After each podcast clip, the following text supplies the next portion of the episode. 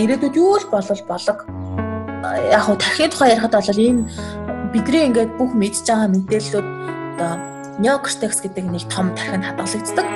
Дотроо матрикс бодоод за энэ бол миний яаралтай чухал ажил гэдэг ингээд дотроо хуваарлаж ажилладаг байсан чинь хүмүүс ингээд шоолоод ирэнгүүт иччихэж байгаа байхгүй юу? Аа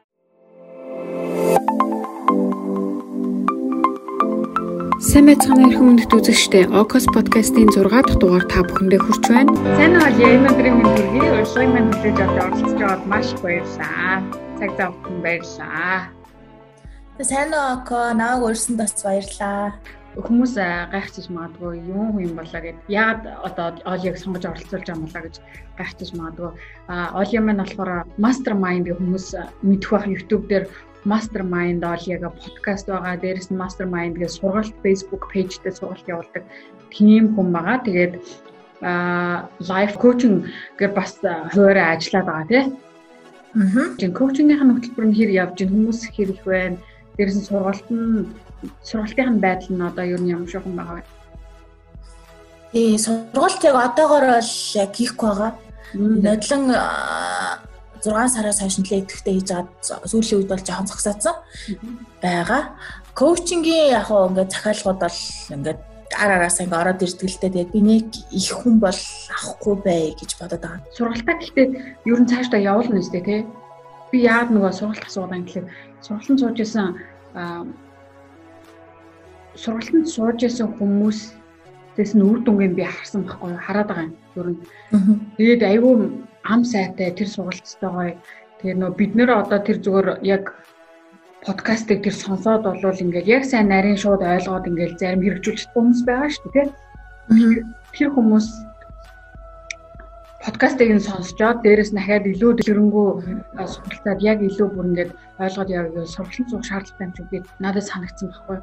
Тэгээд маа нэг дүү суусан байсан. Тэгээд яг тэр зүр үр дүнгийн харахад бол айгүй сайн өөрөө ч гэсэндээ айгүй ам сайтай байсан.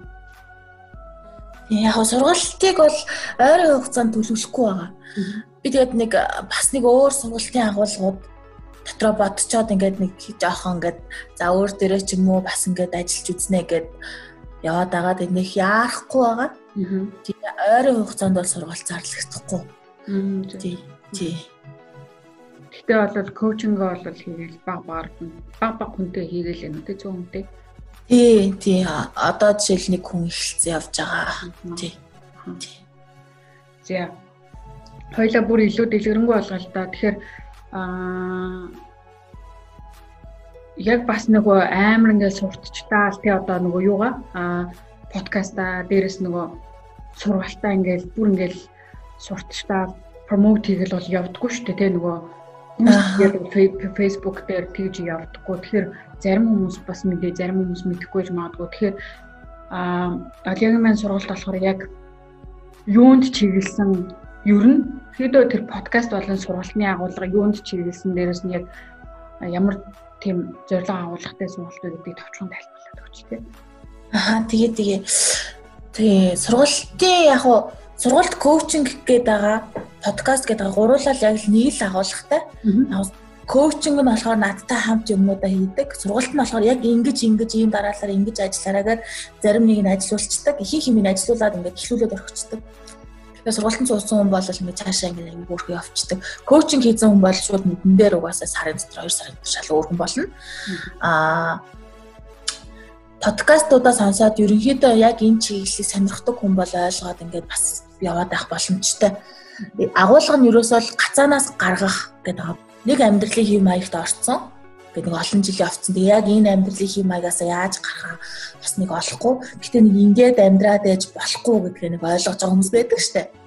Тийм хүмүүс гацаанаас гарах зорилготой. Эсвэл яг юу хүсэж байгаагаа өөрөө мэдэхгүй. Би гэхдээ ингээд ямар нэг юм хиймээр байна. Би бол ингээд амар чадвартай штэ гэдгийг мэдчихэж байгаа. Гэтэ яг юу хийхийг хүсэж байгаагаа мэдэхгүй байгаа хүн. Эсвэл хиймээр байгаа маш олон юмтай тэр нь үнэхээр юм хэцэгцгүй байгаа. Яг юу хиймээр байгаа ингээд бодгцэн ирнэ дахиад өөр юм уу савчаал ингээд ингээд байгаа хүмүүс амьдралаа ерөнхийд нь нэг зэгцлээд яг би амьдралаа юунд зориулах юм би юу юунд сайн гэдгээ гаргаж ирээд цаашаа айгуу тийм смуттэй зөөлхнөөр ингээд амьдралдаа ахиц дэвшил өөрчлөлтүүдийг авчрах тийм замаа одоо өөрийнхөө гарцуудыг ингээд нээж өгөөд тийм зовхгүйгээр амжилтанд хүрэх тэр аргуудыг л сурч авах тийм агуулгатай байгаа. Тэгээд айгүй гой товч тодорхой тэрийг яг нөгөө нэг тарих яаж ажилтдаг вэ те тэрийг ямар амар хэлбэр аргаар эсвэл нөгөө нэг яг гол нөгөө нэг цөмөө би ойлгож байгаа тийм яг нэг гол мөн чанараа ойлгоод одоо нөгөө тархиныхаа үйл ажиллагааг ойлгоод мэдээд яг ингээд ийш үү гэдгийг мэдээд ирэнгүүтлээ нөгөө өөртөө ажиллах тэр процесс явагдаад багш байгаа тий. Нөгөө яг тархины ажиллагааг мэдэхгүй эсвэл тэр дотор яг юу болж байгаа тэр далд хэмсэр яаж ийн тий. Тэр нөгөө нэг хиппокампус тэр юмнууд ингээд яаж ийн гэдгийг мэдэхгүй болохоор зүгээр нөгөө муухай жоохон дайраа тэгээд тэр нь удаан хугацаа авдаг ч юм уу эсвэл Тийм. Эсвэл нөгөө нэг дунд нь овцын дунд нь хайчдаг ч юм уу гарч ирдэг. Тий. Тэгээд нөгөө нэг яг ингээд зөв одоо ингээд яг энэ үйлчлэгийг хийгээд дараа нь ийм процесс болно гэдгээ ингээд тооцоолж мэдэхгүй байгаагаас болоод нөгөө хитрхийн имэх зэгцгүй тэгээ заа за миний энэ зорилго чах одоо өнөөдрийг өөр хийх юм байна гэдэг ч юм уу. Иймэрхүү алхмуудыг хүн хийгээд байдаг. Тэгээд би өөрөө нөгөө айгүй имх зэгцсний өвчтөй хүн баггүй. Тэгээд нөгөө би өөрт маань амьдралт маань ингээд эсвэл ингээд тэр оронд маань юм имх зэгцгүй болоод амьдралт маань ингээд зорилгууд маань имх зэгцгүй болоод ажлууд маань ингээд давхцаал ирэнгүүт би шууд миний тарих шууд ерөөр заачдаг. Юу гэж хийдгүү. Тэгээд нөгөө нэг би өөрөө тийм өвчтөй болохоор бүх юм зэгцтэй. Яг миний одоо дараагийн степ бол энэ гэдгийг би айгүй мэдж байгаа үед амар хурцтай ингээд явдаг байхгүй яг над шиг тиймэрхүү хүн байх юм бол энэ одоо сургалтын агуулга айгуу тохиромжтой тоо. Оливийн YouTube хуудсан дээр 9 подкаст байгаа тийм нийт. Тий. Тий. 9 подкаст байгаа. Тэр тарих яаж ажилтдаг тухай бид нар зориг тэр одоо тэр зориг хүрх гээд байгаа хүсээд байгаа амьдралдаа яаж хүрэх тухай тэр подкастуудыг хийсэн байгаа. Тэрнтэй тарих ямар холбоотой, тарих ямар үүрэг гүйцэтгэх үү гэдгийг маш их хэцэгтэй дэлгэрэнгүй тайлбарлсан байгаа. Бид хоёрын өнөөдөр одоо энэ подкастны маань бас нэг сонирхолтой бөгөөд гол зорилго нь бид хоёр одоо нэг сумаар хоёр тулаа гэдэг шиг аа манай Оли маань Окогийн подкастт оролцсонгоо өөрийнхөө подкастны ардах подкастыг дугаарыг хийх гэж байгаа. Тэгэхээр 10 дахь дугаар нь бол одоо өмнөх юунууд Олигийн подкаст бол 11 сарын өмнө одоо баг жилийн өмнө шахуу баг хамгийн сүүлд подкаст гэж байгаа хгүй. Тэгээ Оли маань завгүй байсан. Дээрэс нь ном зүг 10 дугаар подкастнда тайлбарлая гэд хэлсэн байгаа. Тэр маш сонирхолтой санагдсан. Тэгээд хоёлаа чиний ном зүйн тайлбарыг сонсъё. За тэгэхээр 10 дахь подкаст маань ном зүй гэсэн сэдвтэй байгаа. Ном зүй гэдэг сэдвээ одоо яг энэ ном дээр ийм юм байгаа гэхээс илүү ерөнхийдөө одоо хүнийг өөрийн тайлбарлаад тэгээд энэ яг энэ ойлголтыг би энэ номноос юу н ойлгосон. Гэтэ бусад ном дээр ч гэсэн ингээл байдаг л та. Гэтэ дэлгэрүүлвэл энэ ном руу одоо яваарай гэдгээр үзүүлчихье те. Зураг скрин маань харагдаж байгаа те. За. За тэгэхээр хүн гэдэг амьтан бол мөн чанар нь ямар нэгэн зүйлийг хүсэж байхад оршдог. Одоо маш амжилттай байгаа аль хэдийн бүх хүсэж байгаа зүйлээ авцсан гэж боддог бидний боддог хардаг хүмүүс ч гэсэн ямар нэгэн зүйлийг хүсээд зориод л байж идэг. Угаасаа тэр хүний мөн чанар юм байна. Хүсэл мэдээж юу ч байж болно. Харин хүсэл мөрөөдөлтэй хүн өөрөө гурван төлөвт байдаг. Нэгт нь болохоор мэдэхгүй. Одоо яг юу хүсэж байгаа зүйлээ мэдэхгүй. Гэхдээ би ингээд маш их одоо амьдралаа өөрчлөмөр байна гэдэг ч юм уу тийм ингээд. Гэхдээ би яг юу хийх ёстой юм бэ? Миний туйлын зорилго юу юм бэ гэдгийг сайн мэдэхгүй байгаа. Хоёрт нь болохоор ихтгэлгүй. Би ингээд нэг уул нь би тийм юм юмыг бол хийчмээр байгаа. Эсвэл би яг тийм л болмоор байна. Би яг тийм юмтай л болмоор байна. Би яг тэгж л харагддаг болмоор байна гэдгээ мэдж байгаа хэрнээ за би яаж чадах вэ гэдэг ч юм уу. Жохон ихтгэл дутуу. Тэгээд ямар нэгэн алхам хийхгүй байгаа. Жохон эргэлзсэн байгаа хүн гэсэн. Гуравт төлөв мэдээж яг зориг болгоцсон тэр зүйлээ бүтээж байгаа, бүтээсэн Тэгээ дараагийн одоо зорилгоо тодорхойлцох ч юм уу тийм. Яг ингээд зорилго гэдэг чинь өөрөө хугацаатай хэмжигдэхүүц яг тэр одоо одоо хэмжүүрийн дагуу тийм цаашаа явж байгаа хүн гэсэн үг байхгүй.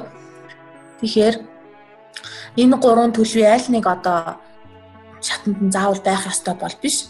зөв нийтггүй байвал итгэлгүй, итгэлгүй байвал одоо зориг болох энэ төлөв рүү ингээд дээшээ тэмүүлж байвал зохино. Тэгсэн чинь одоо ямар ч хүсэлгүй хүн бол бас байдгийм байна амьдрал дээр. Ийм хүмүүс нь болохоор маш их шаналж байгаа эсвэл санаа зовж байгаа хүмүүс болохоор юу ч хүсч чаддгүй юм байна. Хүсэл одоо ингээд би нэг тэгмээр байна. Тийм тиймсэн гэсэн одоо зориг ч юм уу орж ирлээч гэсэн одоо ерөнхий сэтгэхүйн байр суурь нь болохоор шаналлах одоо тархинд одоо тийм л юмдаа төвлөрсөн байгаа учраас тэрнээс гараад шууд ингээд зориг тавиад ч юм уу амьдрах боломжгүй. Тэгэхээр эхлээд шаналл санаа зовлтаасаа гарах хэрэгтэй байж ижил гэсэн. Тэгсэн чинь айгүй сайн ямар шаналлах санаа зовх юм байхгүй. Одоо ингээд хүн байж болно шүү дээ. Бас ингээд тэгсэн мөртлөө хүсэлгүй хүн бас байд юм ээ. Тийм хүмүүс нь болохоор автоматар ингээд шаналцдаг. Өөртөө өөрийгөө нэг дутуу амьдраад байгаа ч юм шиг те ингээл өөрийгөө амьдралаа хутраад те. Тий тий. Ингээл бусд нь ингээл аюугаа итгэвтэй амьдраад ах чинь би нэг ингээл нэг болохгүй байгаа ч юм шиг. Уул нь бол ингээд яг амьдралээр нь шаналаад байх зүйл байхгүй байтал зориггүй учраас шаналаад байгаа байхгүй тэгэхээр шаналл одоо санаа зовлттой байх юм бол хүсэл мөрөөдөлтэй байж чадахгүй. Хүсэл мөрөөдөлгүй байх юм бол автоматар шаналж заавна гэсэн. Аа За шаналж байгаа хүн бол өнгөрсөндөө санаа зовж байгаа хүн бол ирээдүйд амьдарч байна гэж үзнэ. Илүү өнгөрсөн зүйлд ингээд шаналаад, бодоод, гомдоод, гимшээд яваад байгаа. Эсвэл ирээдүйд ингээд тэр л тэгчүүл яана одоо яг л тийх гээд байна. Гэт ингээд бодоол тэгэхээр тэр нь ямар ч алхам хийхгүй. Чин бид нар ч яг одоо амьдарч байгаа шүү дээ. Тэгээд яг одоо гэсэн одоо үедээ ирж иж хүсэл хүмүүсттэй байж чадна. Одоо буюу Аа яг одоо байгаагаар нь өөрийгөө хүлээж аваад одоотой амьдрах тухай намыг болохоор The Power of Now гэдэг номноос одоо дэлгэрүүлж уншиж болох юм. Энэ өөрөө бясалгал хийдэг хүний ном. Тэгээ бясалгал хийдэг хүн бол яг одоодоо яаж ирдгийг сайн мэдэх баг. Би өөрөө бас айгүй бясалгал хийдэг. Би намайг нэрээ амар айгүй гэдэг үгийг хэрэгжилж гин гэж байгаа шгөмжилсэн шин. Дандаа хэлээд байгаа. Хэлээл өө хэлчлээдээ гэж бодогдол. Тэгээ одоо то ирэх тухайн номыг бол энэ номноос дэлгэрүүлж уншаарай. За өөрийгөө хүлээж авах хэрэгтэй. Яг одоо жишээлбэл өнгөрсөнд би нэг тийм шийдвэр гаргаагүй байсан бол би одоо айгүйх мөнгөтэй байхгүй юу гэдэг ингээд хүн бодоод ч юм те. Би тэгэхэд ч тэгэж хэлээгүй байсан бол би өнөөдөр энэ ажиллагаанд бүтцэн одоо гоё амьдарч явахгүй юу гэдэг өнцгөөсөө гараад би нэгэн л одоо энд бай. Би нэгэн л одоо ийм бай. Тэгэхээр би л энэ амьдралыг одоо цааш нь явуулна. Тэрс би одоо өнгөрсөнд очиод тэр шийдвэрийг тэгж өөрчилж чадахгүй юм чинь цаашаа явъя. А бас ирээдүйд ирээдүйд одоо нэг тийм болчул яана тийм чинь нэг хийгээд хэрэггүй хаа гэдэг ч юм уу. Энэ бодлоосоо салаад ирээдүйд юу л болол болог. Угаасаа болох эсхийг би мэдхгүй хийж үзчихэж л мэднэ. Тийм учраас хийн гэдэг тэр өнцгөөрөө одоо сэтгэхүйн байрлалаараа өөрийгөө хүлээж авна гэсэн үг. Тэгээд өөрийгөө хүлээгээд авчин нөхцөл байдлыг болохоор яг энэ хിവэр нүгэлтийг одоо хүлээн зөвшөөрч болохгүй. Яг хүмүүс болохоор байрлал буруу сайд тавигдсан байдаг. Нөхцөл байдлыг хүлээн зөвшөөрчдөг. За за. Тэгэл явна. Эсвэл өөрийгөө ингээд дотроо би стандарт тэгэхэд их тэгээ хэлсэн. Тэгэхэд буруу шийдвэр гаргасан гэдэг өөрийгөө ингээд дотроо ингээд нэг айгу доош нь хийгээд яваад байдаг хүн харахад бол мэдэхгүй шүү дээ. Өөрөө ч гэсэн өөрийгөө доош нь хийж байгаа гэдгийг анзаардгүй.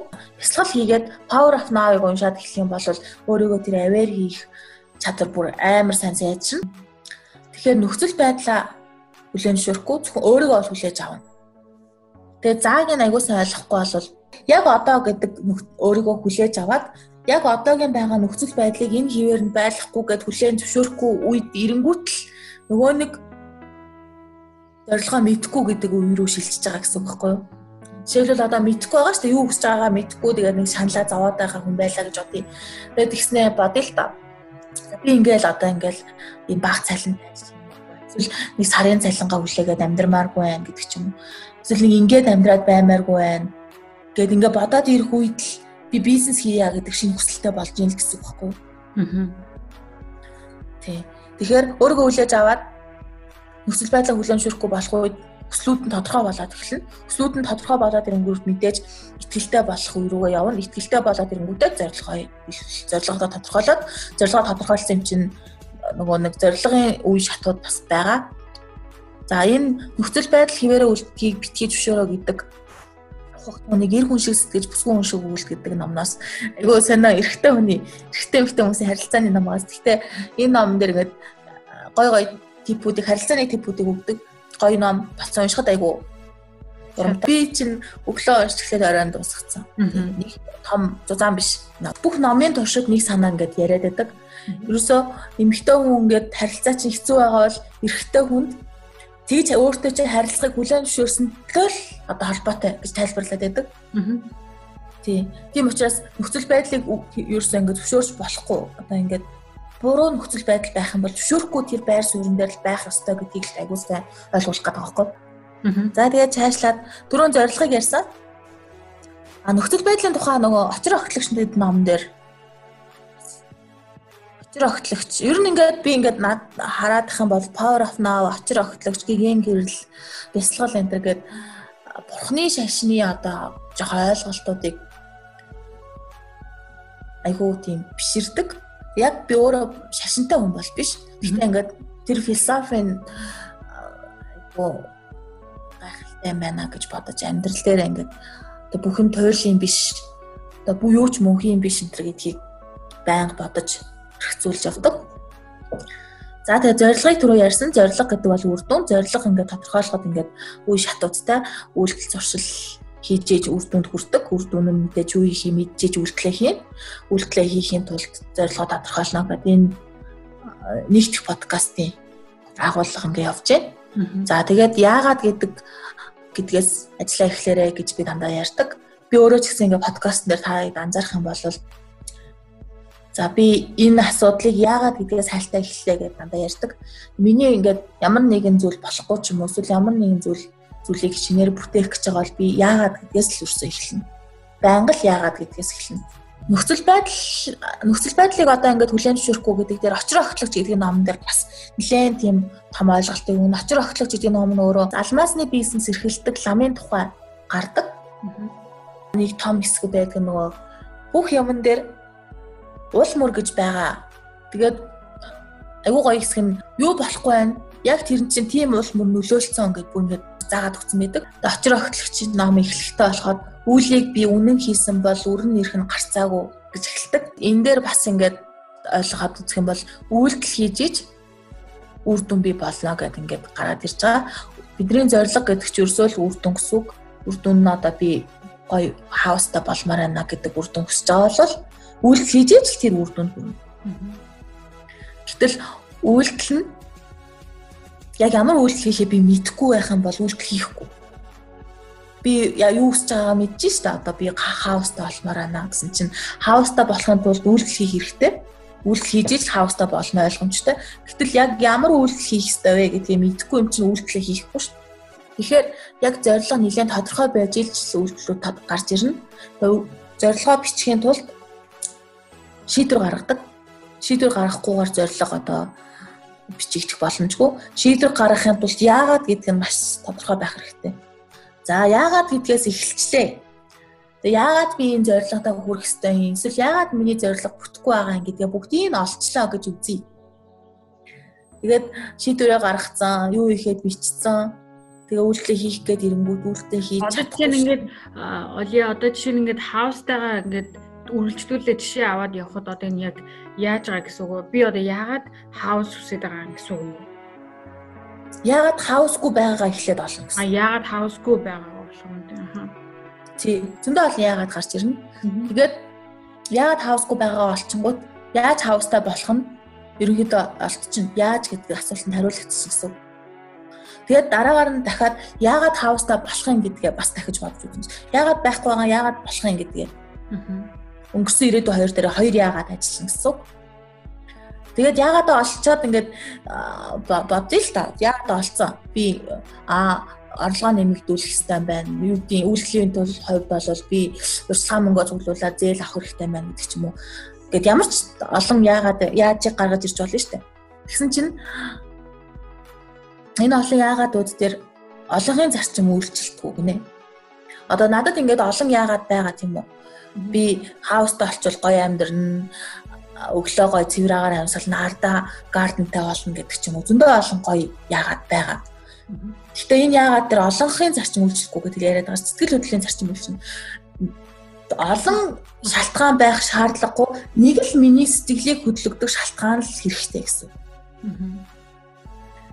Сэтгэл хөдлөл гэдэг чинь өөрөө мэдрэмж гэж биелдэг. Мэдрэмж нь өөрөө зовлон жаргал гэсэн хоёр төрөлтэй. Нэг бол хаустай болохгүй л бол болохгүй нэг тийм зовлонгууд надад үүсэх хэрэгтэй шүү дээ. Би одоо орохоор онгүй байна гэдэг ч юм уу тий.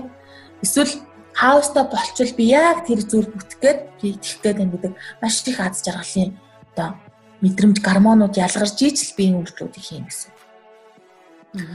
За энэ мэдрэмж сэтгэл хөдлөлийн тухай сэтгэл зүйн ойлголтуудтай намнуудаас ойлгож болно. Би гэхдээ энийг айгүй хүүхд байхдаа юм сэтгэл зүйн юмнууд сонирхдаг байсан учраас яг ингээд яг тэр ном гэж бол мэдэхгүй байна. А тэгээ санхүүгийн эрхчлөөнд хүрэх зам. Гэдэг ном. Бас нэлээ агуулга томтой дэлгэрэнгүй гоё ном байгаа. За цаашлаад үйлдэлээ одоо бүх зүйлээ зөв хийсэн мэдрэмжээ мэдэрсэн яагаад олцсон шийдвэрээ гаргацсан? Юу ихэд төлөвлөлчлөө. Тэгсэн чинь за одоо яг үйлчлүүдээ хийчи одоо ингээл үйлчлүүд энэ үйлчлүүдийг хийгээл би хавстаа болчих. Гингүүд үйлдэлээ хийхгүй яагаад гэвэл үйлдэл хийхэд нэг сонголт гэдэг зүйл нөлөөлөд байгаа тухай хоёр дахь подкаст ярьдаг. Хоёр дахь подкаст дээр болохоор ухамсартай тарих гэж байгаа, ухамсаргүй тарих гэж байгаа тухай тайлбарлаад 80% нь ухамсаргүй тарих гэдэг зүйл одоо биднийг автоматар шийдвэр гаргаад байгаа. Би амьдрал дээр бид нар ингээд бүх шийдвэрийг гаргаад байгаа боловч үгүй сэтгэл хөдлөлтөөр мэдэрсэн ихтгэл үнэмшлэр эсвэл байнга тавтагддаг зүйлүүдийг л ингээд тухамцгүй дахин дахин бидрээр хийлгээд байгаа. Тэгээ яг энэ ойлголтуудыг буюу нөгөө тархины тухай will power instinct гэдэг энэ шар номноос уншиж болно. Will power instinct prefrontal cortex тарих гэдэг бүх тархины тухай ярина. Тэгээд how our brain works гэдэг энэ нэг цахилгааны зурагтай юм шиг ном. Энэ номыг би бол өөрөө сайн ойлгодгүй. Гэхдээ ингээд зургуудыг би ажиллаа л байдаг яг ингэж байгаа юм байна гэд англи хэлний бариар жоохон шаардаад байдаг. Тийм. Миний их бол хүрхгүй байдаг. Гэтэ ингээд би дахин дахин уншаал хараал ингээд ирэм ирам болгоцсон байж идэг л да ингээд. Тийм. За тэгээд 10 хоногийн бяцлал суусан байдаг би одоо 3 удаагаа суудсан байгаа. Тэгээ бодмөрийн зэрэг гиген гэрэл энэ гэдэг номнууд бол ерөнхий дотоод сэтгэлээрээ хүн хөгжих боломжтой болгоно.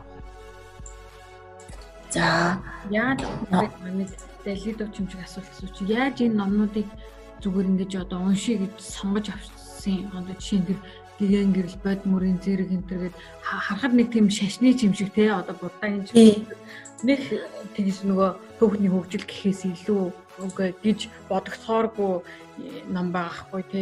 Бүх номыг бүх төрлийн номыг бол уншаад үзхийг л хүсдэг. Гарчиглаад үзхийг хүсдэг. Тэгээд уншигдаад ингээд яг миний ингээд дотор аа тийм үү гэдэг өө ямар гоё ингээд гэх юм уу эсвэл энэ яагаад ингэсэн гэсэн үг юм гэдэг ч юм уу тийм дотор ингээд асуултууд ямар нэгэн тийм тэгээд тийм гарч ирэх юм бол цаашаа уншаал байна. Тэгээд тийм гарч ирэхгүй жоохон уйдгартай болоод ирэнгүү тэгэл хайчдаг. Жоохон тийм өнөрхөө уншдаг. Өндөр бүтээмжтэй хүний 7 дадал гэдэг ном байгаа.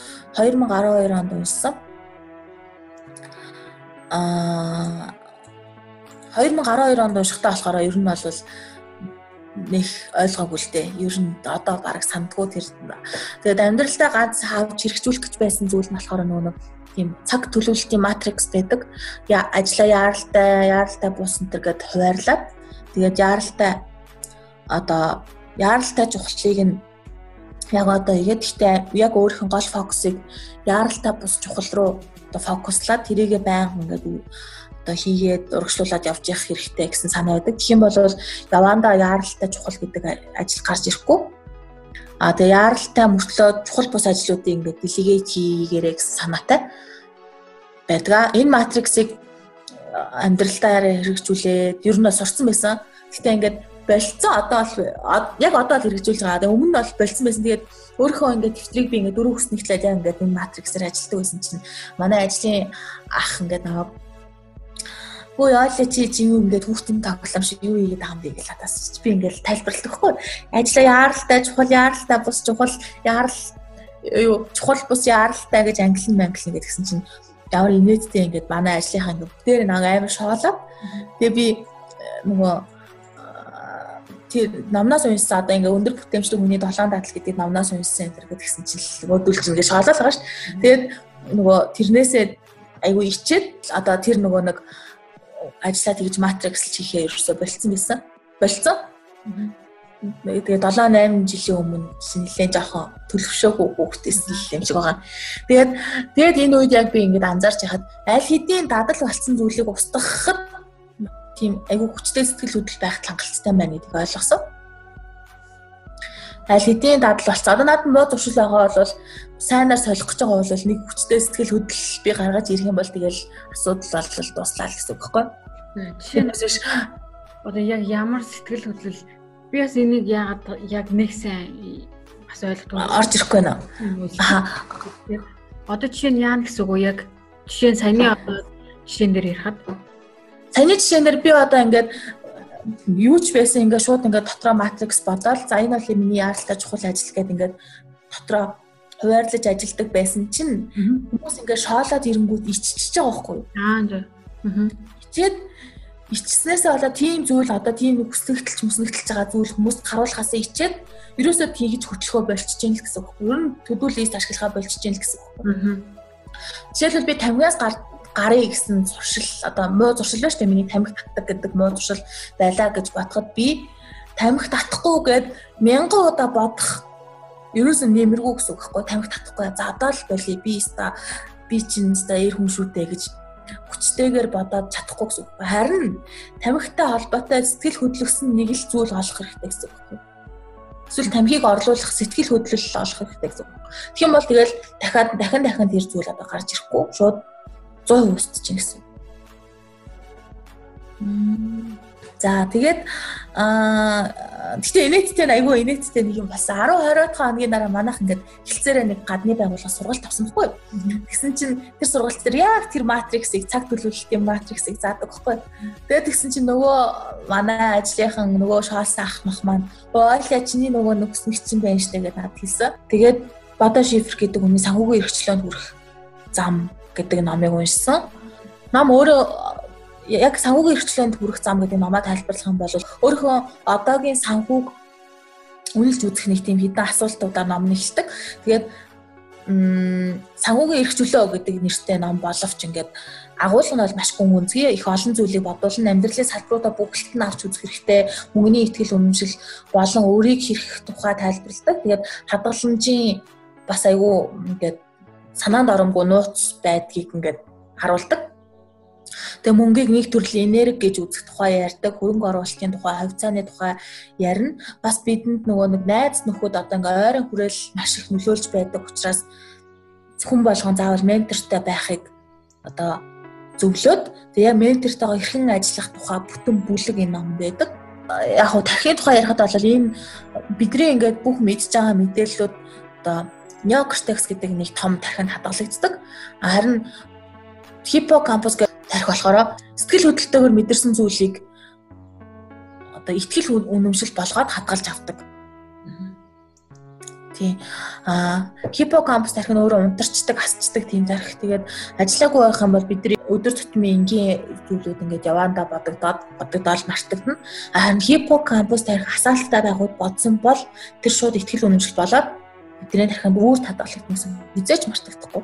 Яг тэрнтэй холбоотой тэр зүйлийг ингээд тэрнтэй холбоотой зүйл бодогдох болгонд хиппокампус дээр хасаа шууд тэр ихтгэл үнэмш рүүгээ автоматар хөтлөн гэсэн үг байхгүй.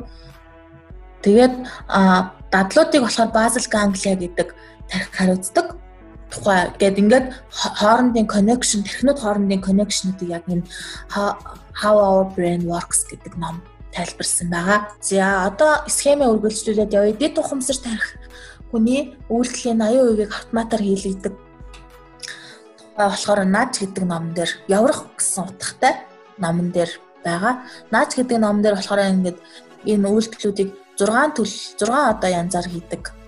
Одоо сэтгэл хөдлөл залхуур айц дефолт тохиргоо дээрэс нь дуурайх дээрэс нь туршлага гэж үздэг. Туршлага гэдэг дахиад нэг одоо салгаж тайлбарладаг.